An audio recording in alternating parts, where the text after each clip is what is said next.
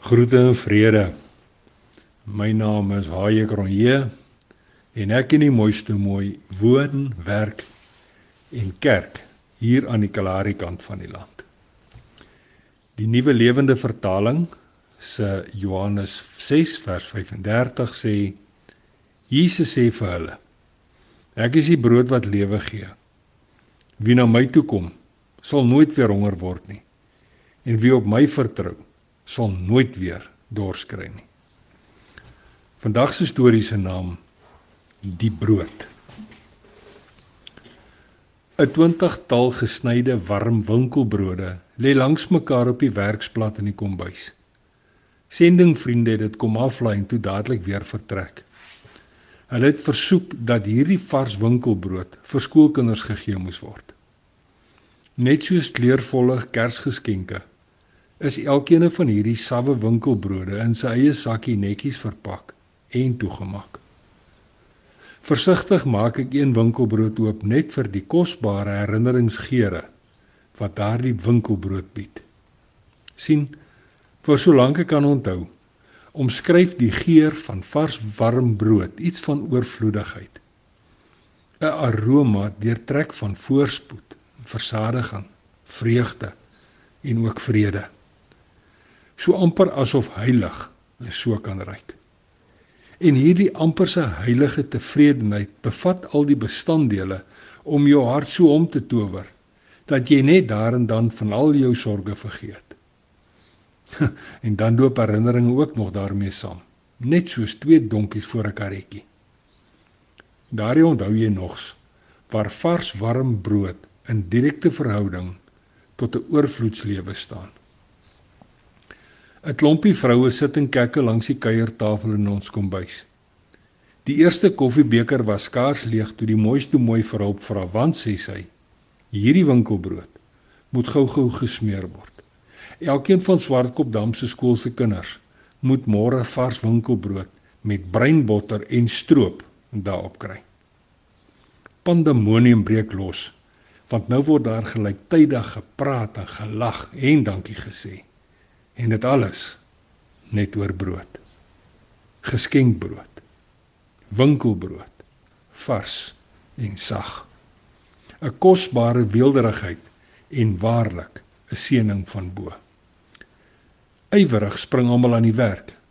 Van die vroue pleister die bruin botter lekker dik waarna taai goue stroop al te kwistig daarop geplak word. Elke toebroodjie is daarna netjies en versigtig middeltwee gesny en in plastiese sakkies toegemaak.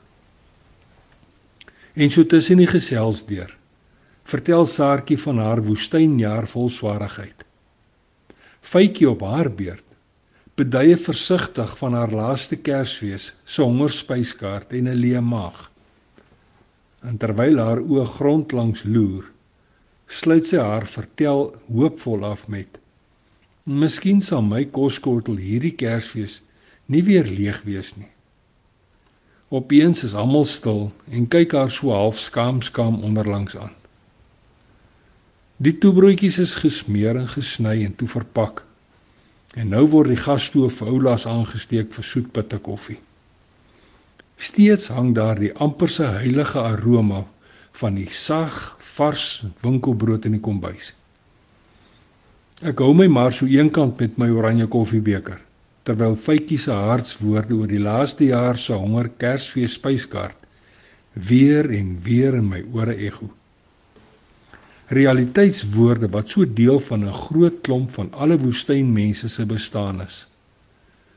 Woorde wat die werklikheid van 'n woestynlewe beduie net soos dit is, sonder gremering, sonder aansien en sonder aangeplakte emosies. My dink staan ook stil by die wonderwerker wat eendag sommer so sonder ophef en sonder seremonie duisende kos gegee het met 'n handvol broodjies en 'n paar visse. Hy is die versadigmaker en die vermeerderaar. Hy is die ene wat altyd omgee en sorg. En om alles te kroon, het hierdie hongerstiller nou die brood geword. Vars lewensbrood waarvan hy iedereen en elk daagliks sonder beperkings kan eet.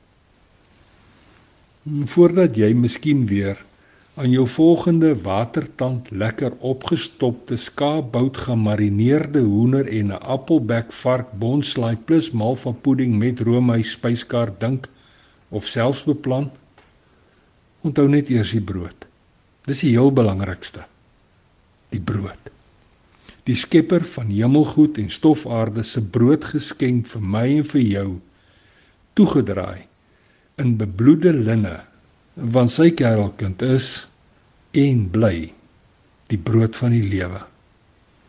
Dis mos waaroor dit gaan. Die brood. Dis mos eintlik waaroor alles gaan. Net die brood. Nou ja toe. Tot 'n volgende keer.